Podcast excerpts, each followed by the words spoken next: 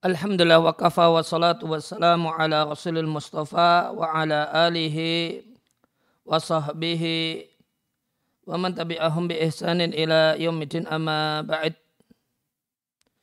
kaum muslimin dan muslimah rahimani wa rahimakumullah kembali kita lanjutkan membaca dan mentalaah buku Kaifatu Rabbi Abna'aka karya Syekh Ahmad At-Toyar hafidhullah ta'ala wa faqahu kita telah sampai pada kaidah yang ke-12 dari 30 kaidah ya, praktis dalam mendidik anak.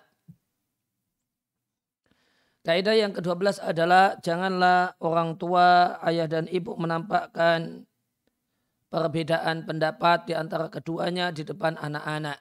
Sehingga jika ayah memerintahkan anaknya satu hal atau melarang satu hal, maka janganlah ibu itu uh, menyatakan menentangnya. Fala ta'taridu alai ummuhu. Maka janganlah ibu menentang ya, aturan dari ayah dari abadan sama sekali. Jangan menyanggah dan jangan mengatakan ketidaksetujuan. Wal aksu kadalik dan sebaliknya juga demikian ketika ibu itu memerintahkan anaknya satu hal atau melarang satu hal, ayahnya tidak boleh e, meralat aturan tersebut atau membatalkan aturan tersebut. Jika dirasa bahasanya dalam perintah dan larangan tersebut ada kezaliman terhadap hak anak, maka janganlah menentang dan diskusi di depan anak. Li'annahu karena jika salah satu dari ayah dan ibu menentang keputusan yang lainnya di depan anak, maka anak akan meyakini bahasanya dia benar dan bahasanya dia adalah korban kezaliman. Wayastaqwi dan dia akan mencari kekuatan, mencari dukungan dengan pihak yang mendukungnya untuk menghadapi pihak yang lainnya. Ya, jadi kaidah penting dalam pendidikan anak, suami istri harus terlihat kompak. Jangan sampai misalnya ayah itu membatasi uang jajan, namun ibunya memanjakan anak ya, dan tidak memberikan batasan uang jajan bagi anak. Nah, atau ibu melarang di jam tertentu misalnya siang hari jam istirahat dilarang main. Ya, maka maka ayah jangan membolehkan main di jam tersebut. Jadi suami dan istri itu harus terlihat kompak di depan anak-anak. Maka istri yang salihah al-muwafaqah yang mendapatkan taufik adalah istri yang tusir menampakkan kepada anak-anaknya.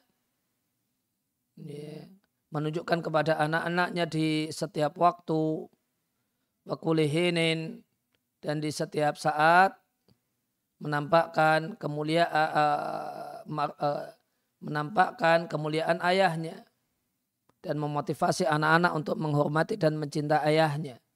Menanamkan dalam jiwa mereka perasaan bima yamlikuhu dengan semua apa yang dimiliki oleh ayah min jamilil manakib tentang keindah kelebihan-kelebihan ayah yang indah dan atau perilaku-perilaku atau sifat-sifat yang bagus yang dimiliki oleh ayahnya.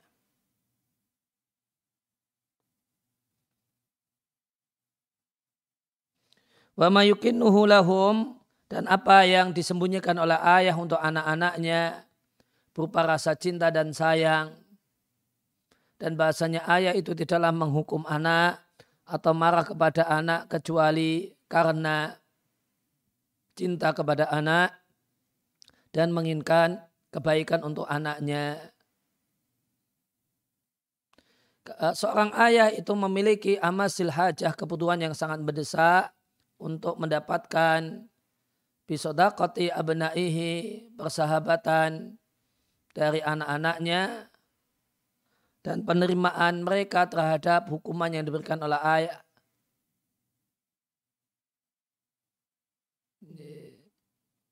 Nah supaya mendapatkan hal ini dinilai sebagai sahabat oleh anak-anaknya dan hukuman ayah dari ayah itu diterima. Maka uh, ayah sangat membutuhkan atfi zaujatihi.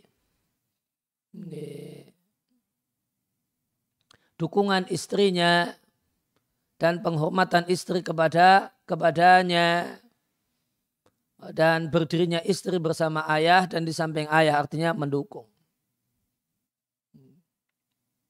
Jadi supaya ayah itu sosok yang dihormati oleh anak, sosok yang uh, diakrabi oleh anak, sosok yang dinilai positif keputusannya termasuk hukuman-hukumannya, ini sangat memerlukan dukungan istri.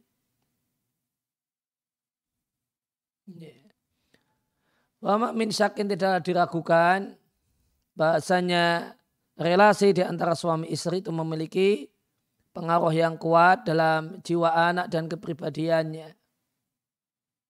Fafi alaqatin mabniyatin alal ihtiram maka jika ada hubungan yang dibangun di atas ihtiram al-mutabadal saling menghormati dan kemudian diskusi sehat tanpa ada debat kusir, maka ini akan terwujudlah ketenangan dan keseimbangan pada diri anak. Amma ingda matakunal alaqa, adapun jika hubungannya itu tegang, masyunatun, dan hubungannya itu panas,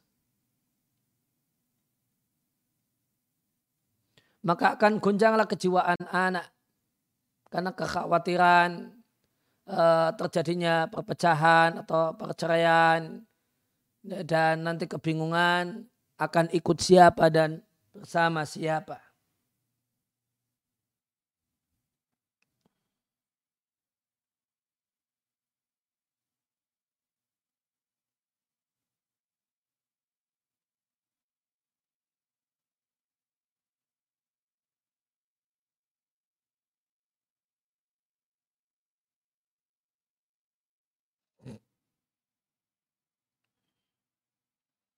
Ya masyhunatun syahana makna aslinya penuh ya.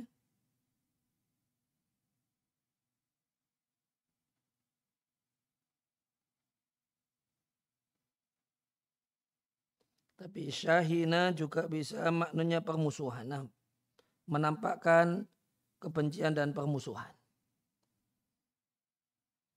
Menampakkan kebencian dan permusuhan wa idharul khilafah dan menampakkan perselisihan dan pertengkaran di depan anak itu memiliki pengaruh yang bahaya juga dalam pemikiran dalam pemikiran anak wa qanaatihim dan kepercayaan dan keyakinan anak.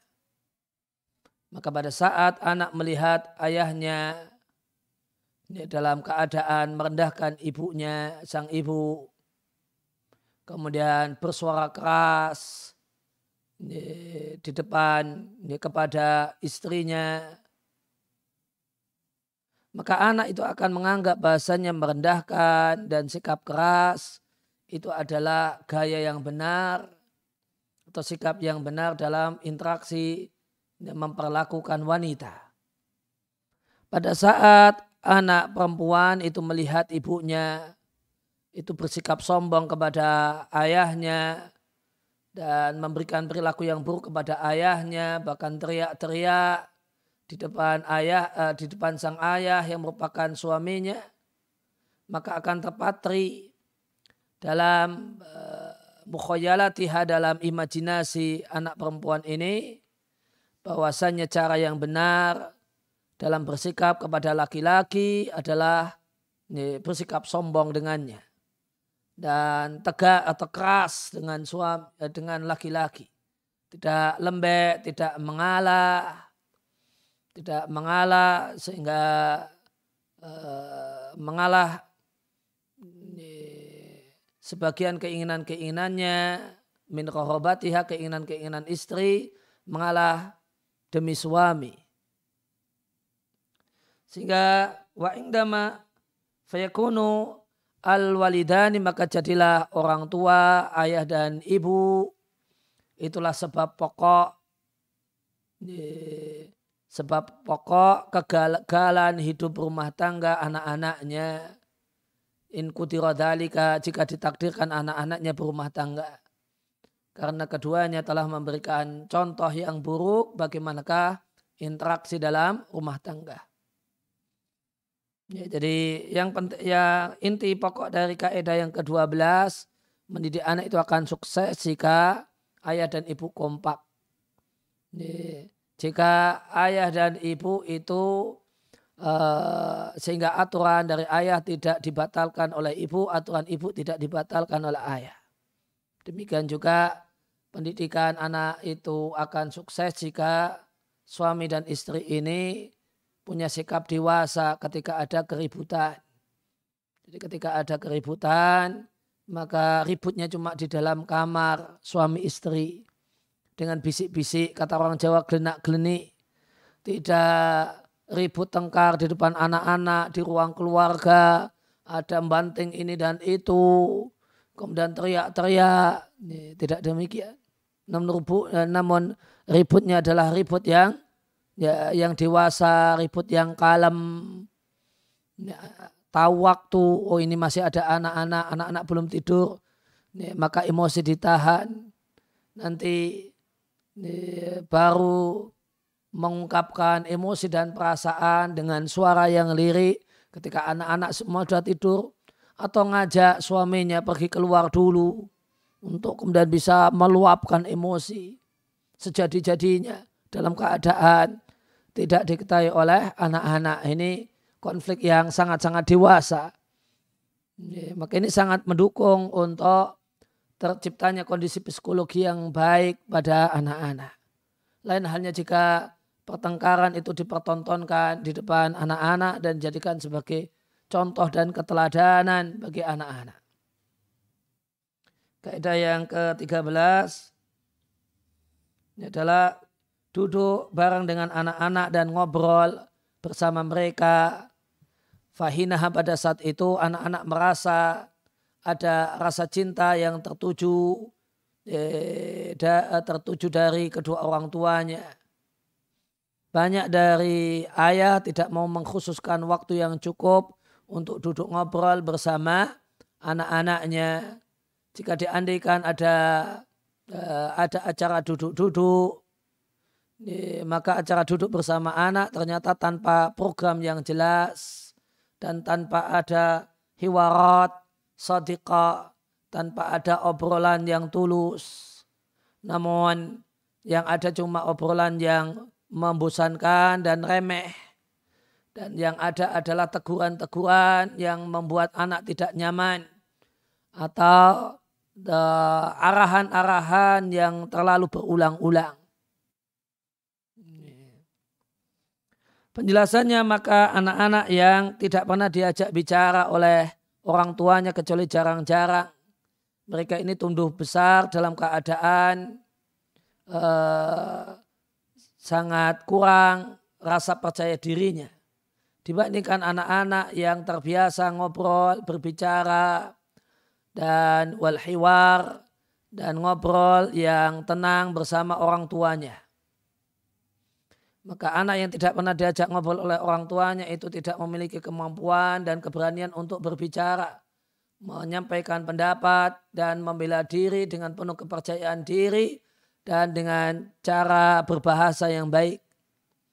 Jika salah satu mereka dituduh dengan sesuatu yang padahal dirinya tidaklah bersalah. Ya, maka nanti tidak punya kemampuan untuk membela diri dan keberanian yang bagus. Maka sebagaimana mungkin diadakan di rumah ini semacam ini, parlemen kecil-kecilan, ya, yaitu tempat bermusyawarah kecil-kecilan. Anak-anak bisa berkata kepada ayahnya dan ibunya, kenapa kita tidak berangkat, kita tidak pergi rekreasi, di waktu tertentu misalnya untuk itu. Eh, anak bisa mengatakan, wahai Umi, wahai ibuku kenapa engkau pukul aku di tempat main pekan yang lewat.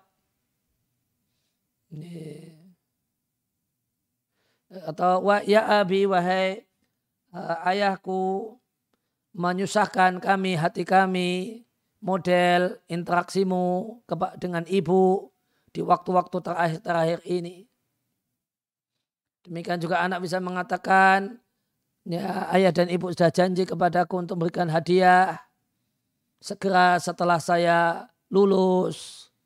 Namun hadiah tersebut kok belum di, di dihadirkan kepadaku sampai saat ini. Dan pertanyaan-pertanyaan yang lain dan permintaan penjelasan yang anak itu berani untuk mengatakannya kepada ayah dan ibunya namun dengan uslubin muhadzabin dengan gaya bahasa yang bagus lantas uh, uh, gaya bahasa orang yang terdidik lantas ayah dan ibu bisa merespon dengan mengatakan ini terjadi dengan sebab demikian dan demikian. Kami meminta maaf uh, hal ini dan kami berjanji tidak akan mengulanginya ayah bisa mengatakan maka hakun engkau benar. Akan tetapi ya, itaratni uh, lidalika ya, ayah itu aku terpaksa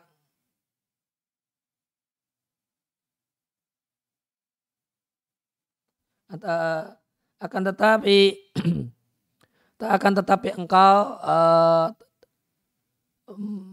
terlalu mendesak kepadaku kepada ayah.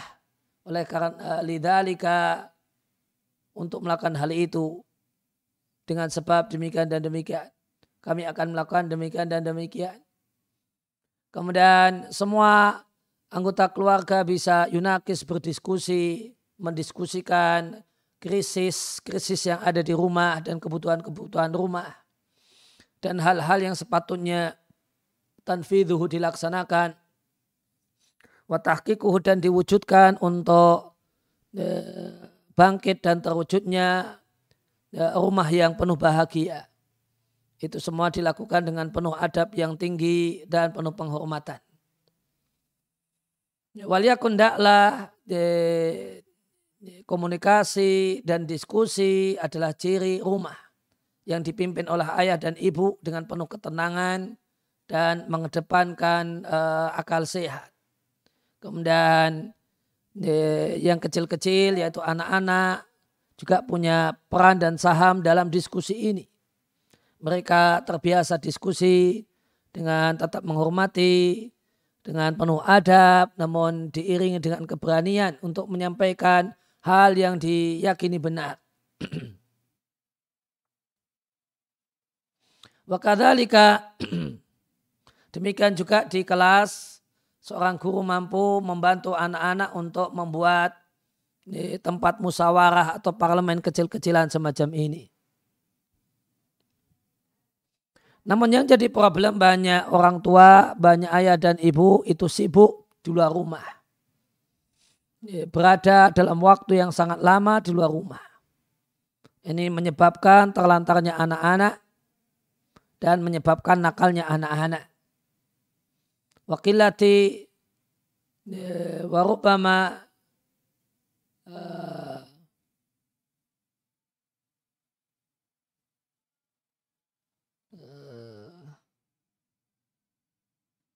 dan sedikitnya atau bahkan boleh jadi tidak adanya rasa cinta dan kedekatan hati antara orang tua dan anak-anak. Maka sebagian ayah sibuk bitakasub bekerja dan bisnis seandainya eh, salah satu anak menegur kenapa ala ihmal, kenapa tidak perhatian, kenapa ayah tidak perhatian. Niscaya ayah akan beralasan bahwasanya ayah itu melakukan hal tersebut yaitu sibuk cari duit itu demi anak-anak. Ayah itu bercapek-capek ya tujuannya untuk kenyamanan anak-anak. Ya, gitu bahasa standar para ayah gitu. Yang ini ya, adalah satu hal yang tidak tepat. Sebagian sebagian ayah sibuk safar dan mengadakan perjalanan dan e, meninggalkan keluarganya dalam jangka waktu lama.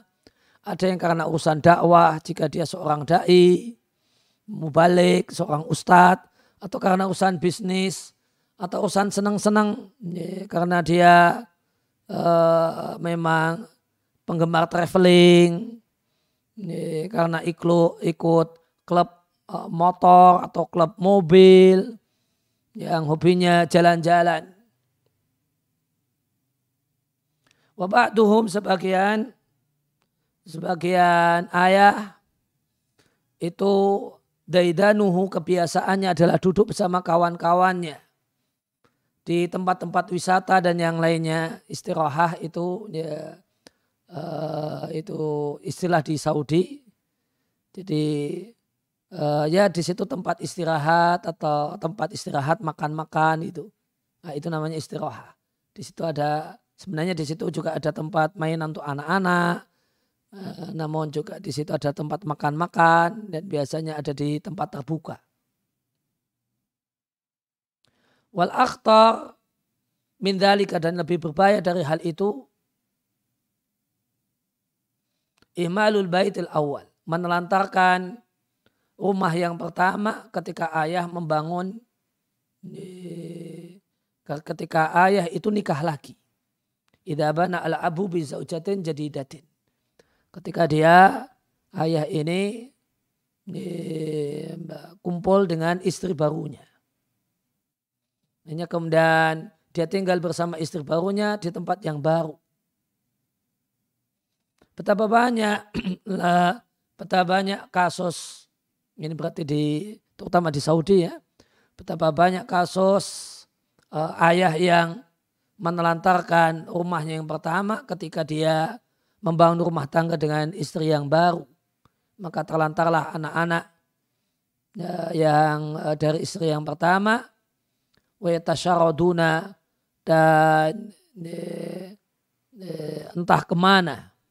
Tidak terurus gitulah. Ya tasyaraduna tidak terurus disebabkan kesibukan eh, ayah mereka dengan keluarga barunya dan jauhnya eh, dan jauhnya ayah dari mereka di antaranya jauh posisi karena mungkin mungkin rumahnya jauh mungkin istri yang kedua rumahnya jauh misalnya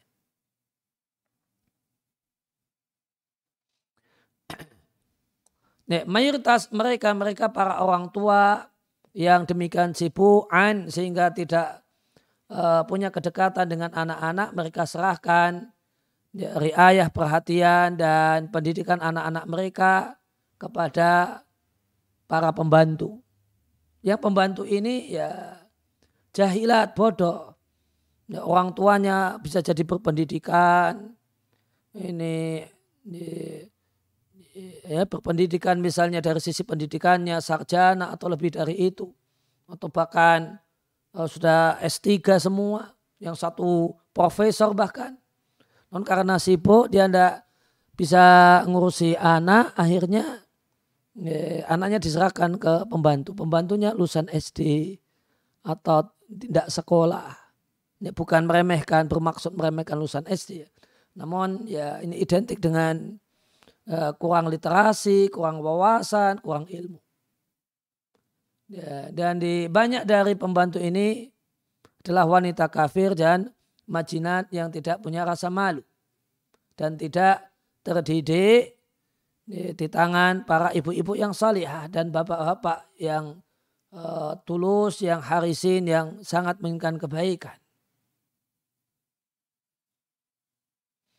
Ya, maka jadilah anak uh, jadilah anak-anak ini tidak terdidik di tangan ibu-ibu yang salihah dan bapak-bapak yang tulus yang sangat antusias dengan kebaikan untuk anaknya. Karena mereka sibuk dengan tadi istirahat tempat rekreasi karena kungku-kungku ngobrol dengan teman-temannya atau munasabat berbagai macam acara.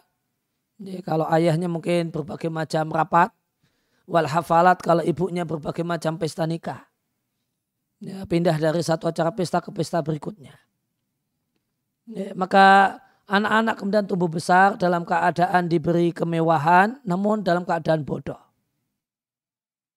Ya, mutraf, diberi kemewahan fasilitas dilengkapi oleh orang tuanya.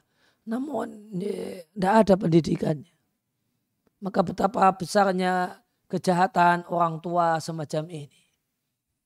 Semoga Allah merahmati salah satu uh, penyair Arab modern Ahmad Syauqi atau yang disebut dengan raja penyair uh, Arab modern yang mengatakan laisal yatimu manintaha abawahu abawahu min hamid dunya wa khalafahu dalila.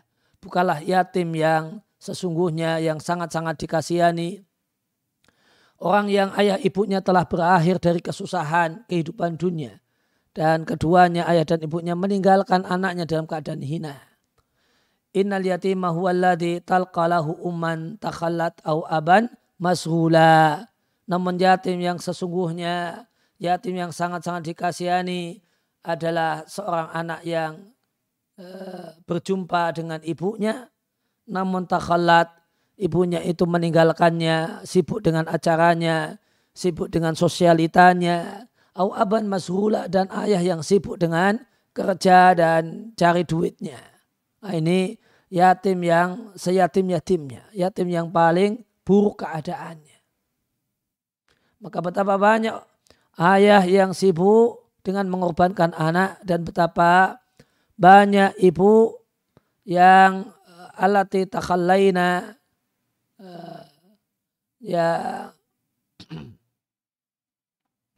yang meninggalkan meninggalkan anaknya kemudian diserahkan kepada uh, diserahkan kepada pembantu yang pembantu yang ya, yang jahilat yang bodoh yang tidak berpendidikan wa adha dan yang lebih mengerikan wa amaru dan yang lebih pahit jika ternyata pembantu ini adalah eh, pembantu yang non muslim. Dan jika seorang ibu ini mendapatkan kondisi tidak boleh tidak harus memakai pembantu. Fayambari maka sepatutnya ibu ini antusias di fase-fase awal kehidupan anaknya. Dia sendiri yang bersentuhan langsung dalam riayat tatifli memberikan uh, ya memberikan perhatian kepada anak. Jadi urusan kalau memang perlu pembantu harus pakai pembantu maka di fase-fase umur-umur awal kehidupan ya, anak ini langsung diasuh oleh ibunya. Sehingga tugas pembantu apa? Watatruk dan ibu me, meninggalkan atau membiarkan pembantu ini untuk sibuk untuk beres-beres rumah, membersihkan rumah dan aktivitas yang lainnya.